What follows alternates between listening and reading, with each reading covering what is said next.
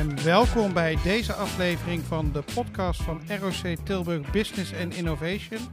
En net als in vorige aflevering praat ik wederom met uh, Remco Broers. Remco, welkom terug. Ja, zeker. Ja, fijn om hier weer te zijn, uh, Joost. Uh, ik heb er weer zin in.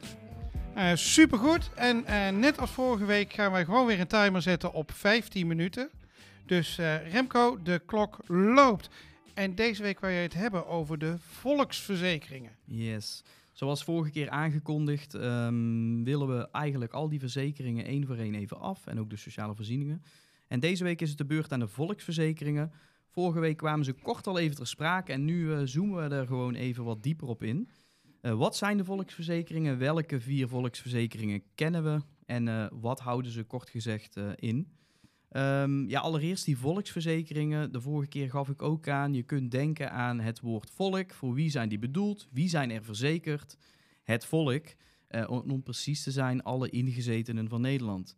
Ja, als jij legaal woonachtig bent in Nederland, dan ben je dus verzekerd voor de volksverzekering, of je nou werkt of niet werkt. Precies, dus het arbeidsverleden is geen voorwaarde om hier recht op te hebben. Exact, exact.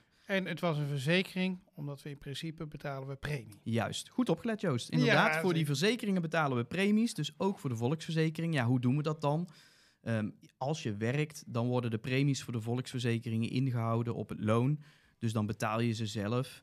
Um, een groot deel van die premies bijvoorbeeld gaat naar de AOW. Um, ehm, ja, als je niet voor een baas werkt, hè, je werkt niet in loondienst, dan betaal je ook premies, maar dat doe je dan ook uh, zelf aan de Belastingdienst. Hè. Je doet uh, jaarlijks ook aangifte. Dus uiteindelijk betalen we er allemaal aan mee. Um, en hebben we dus ook allemaal recht op de verzekeringen, want we zijn verzekerd.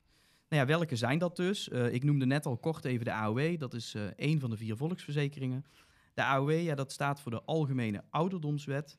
Um, ja, en als wij een bepaalde leeftijd bereiken, dan hebben wij daar recht op. Weet jij toevallig, Joost, welke leeftijd dat is? Volgens mij vanaf 1 januari 67. En is de prognose inmiddels dat hij door gaat stijgen tot boven de 70? Ja, inderdaad. inderdaad. Ja, daar, daar zullen sommigen misschien van schrikken. Vanaf volgend jaar is die inderdaad 67 jaar. En recentelijk in het nieuws, afgelopen week, was nog inderdaad dat uh, wanneer je nu uh, ergens in de 20 bent, meen ik, uh, dat die prognose is, als je nu een jaar of 30, 25 bent, dat je toch moet wachten tot je 70ste wellicht, voordat je uh, je AOW-pensioen kunt krijgen. Um, nou ja, wat houdt dat dus in? als jij een bepaalde leeftijd bereikt, vanaf volgend jaar dus 67 jaar, dan krijg jij een AOW-uitkering. En dat is een uitkering waaraan je zelf ook hebt meebetaald, want we betalen daar ook premie voor. hoe wordt die dan opgebouwd?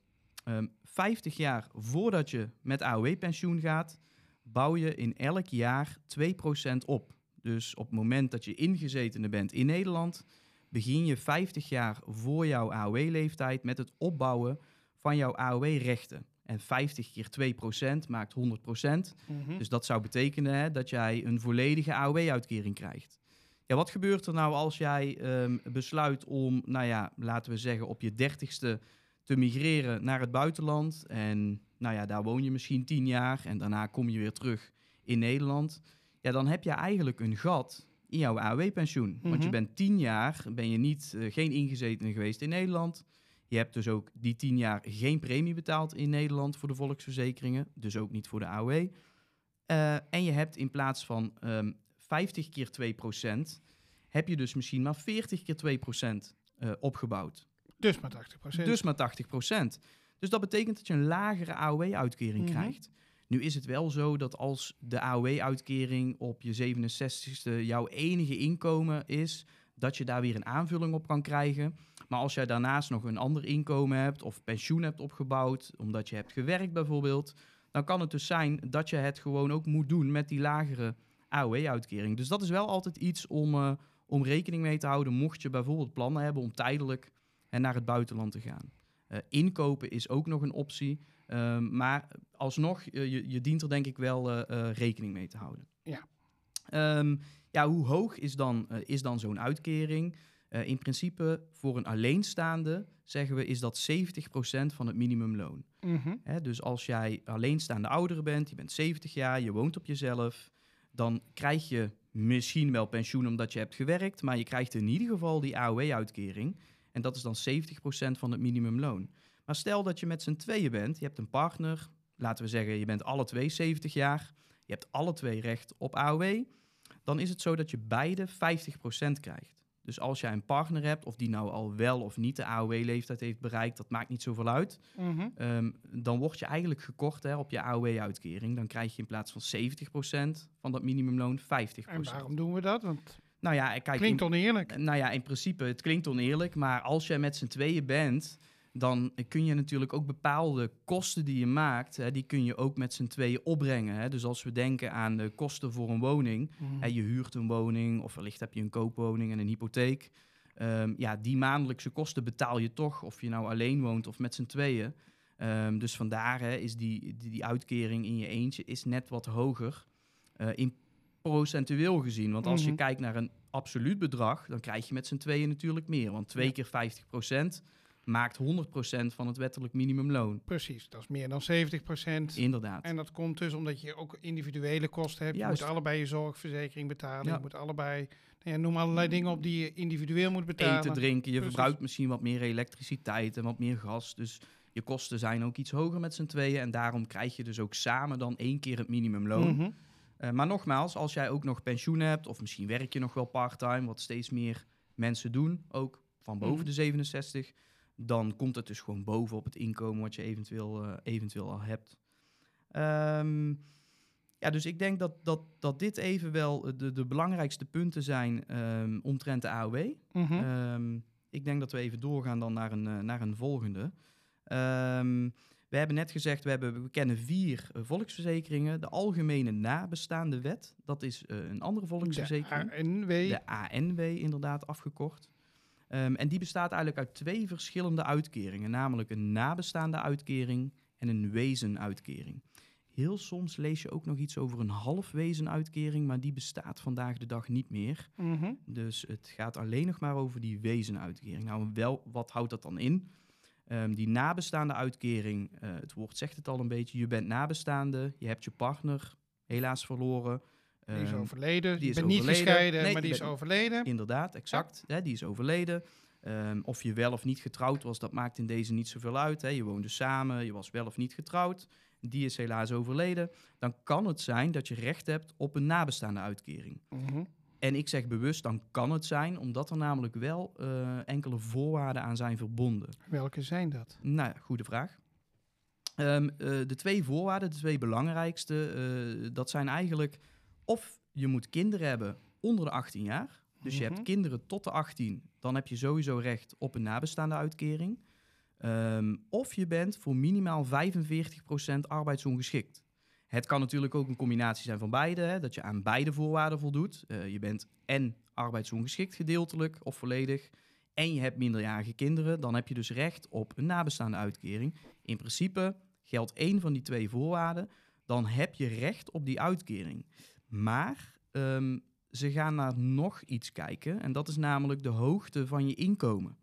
Hè, dus ehm, het kan zo zijn dat je minderjarige kinderen hebt, ehm, maar dat je zelf eh, ook alleen een heel goed inkomen hebt. Ja. Hè, dus bijvoorbeeld 5000 euro bruto per maand Je, verdient. bent- je bent directeur bij Philips. Precies, bijvoorbeeld. Dan is het heel vervelend, maar dan is er geen uitkering Nee, voor deze. nee, nee. Omdat we inderdaad in die sociale zekerheid zien we...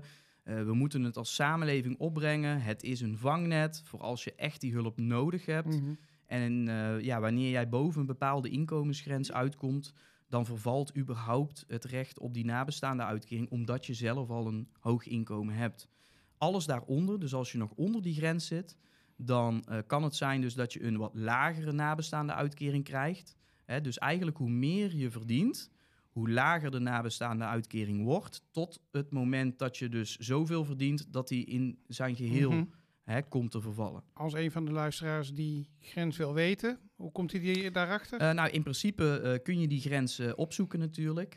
Die, die verandert zo nu en dan. Ik meen dat die nu rond de 3000 euro per maand zit. hè? Mhm. Dus als je nu 3000 euro per maand verdient, dat is ongeveer de grens waar En je aan kunt die denken. staat neem ik aan ook in de kleine Ja, gids. ja, staat absoluut. gewoon te vinden ja, wat de absoluut. grens is. Ja, absoluut. In de kleine gids kun je de algemene nabestaande wet opzoeken, de nabestaande uitkering, ook de voorwaarden waar je aan moet voldoen en ook de inkomensgrens waar men dus eh, naar kijkt. Mhm. Ehm, dan de wezenuitkering. Ehm, dat is dus eh, ja, wanneer je wees bent geworden, je bent beide ouders verloren, dan kan het dus zijn, ehm, eh, ja, dan heb je recht op een wezenuitkering. In principe tot je zestiende, maar die kan eventueel verlengd worden indien jij studeert, hè, fulltime gaat studeren. Dan kan die ook verlengd worden tot je 18, zelfs tot je 21ste. Mhm. Het geld kan dan op een rekening van een weeskind gestort worden, maar eventueel ook op ehm, ja, iemand, een, een pleegouder bijvoorbeeld. Eh, iemand die dan eh, het wettelijke gezag heeft. maar dat ehm, is dus voor als je allebei je ouders je kwijt allebei bent je ouders. en je bent nog onder de 16. Ja, inderdaad. Hè, dus ehm, je hebt er geen recht op als je één van beide ouders bent verloren. Hè. Dus dat is eh, voorheen, dat is ooit wel zo geweest, maar dat is, dat is, nu, dat is nu niet meer zo. Nee. Wanneer verlies je dan eigenlijk je nabestaande uitkering? Ehm, dat is als je bijvoorbeeld weer opnieuw gaat samenwonen of eh, opnieuw gaat trouwen. Hè, dus dan ehm, stopt ook die nabestaande uitkering. Ehm, ook als je de AOW-leeftijd bereikt, want in principe stoppen al je uitkeringen op het moment dat je de AOW-leeftijd bereikt. Want we hebben net gezien, dan krijg je op basis van je leeftijd sowieso een uitkering. Mhm. Als je jongste kind dus 18 wordt, hè, want we hebben net gezegd, onder de 18 heb je misschien wel recht, afhankelijk van je inkomen. Maar ja, wordt je kind 18, dan vervalt dus ook het recht op een nabestaande uitkering. Maar dus ook als je niet meer arbeidsongeschikt bent. Dus eh, stel je, je was arbeidsongeschikt ten tijde van het overlijden van je partner en je bent weer eh, hersteld, dan vervalt ook het recht op een nabestaande uitkering. Ja. En dan hebben we daarmee de eerste twee gehad. Inderdaad. Met nog maar 3,5 minuten op de Oh, teller. dan Dus moeten we er heel snel doorheen. dan gaan we denk ik naar de AKW. Jazeker. Nou, die kunnen we denk ik heel kort en krachtig houden. De AKW, de Algemene Kinderbijslagwet. Hè, dat is een regeling om ouders een beetje te helpen, financieel eh, gezien, voor de opvoeding van een kind of meerdere kinderen. Eh, we kennen drie leeftijdscategorieën. eh, ook te vinden in de kleine gids, met daarbij ook de bedragen. En ehm, ja, men heeft recht op eh, per kwartaal eh, voor elk kind een bepaald bedrag. Dan moeten we denken aan 250 tot 300 euro zo'n beetje. Ehm, en dat krijg je dus per kwartaal als ouder zijnde op je rekening gestort. Hiervoor betalen we overigens als uitzondering eh, geen premie. Want Nee. we hebben gezegd voor de verzekeringen betalen we premie. Mhm. Ehm, maar in dit geval niet.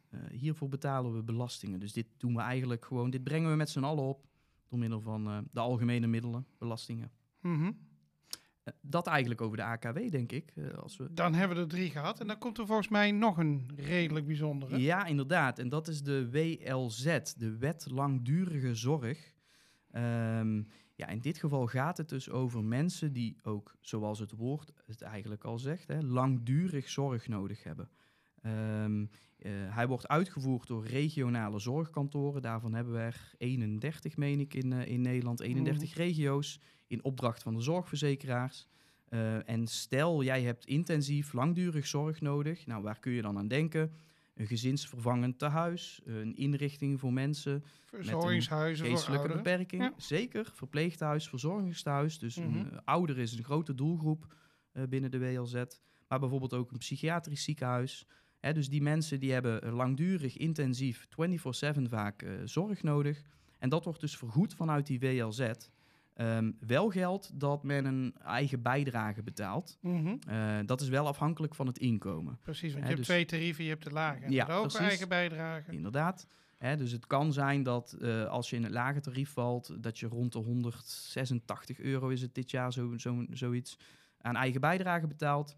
Ehm, maar afhankelijk van je inkomen, hè, en je zit in het hogere tarief, kan het oplopen tot een euro of 800. Ehm, dus dan betaal je eh, aanzienlijk meer aan Mhm. eigen bijdrage.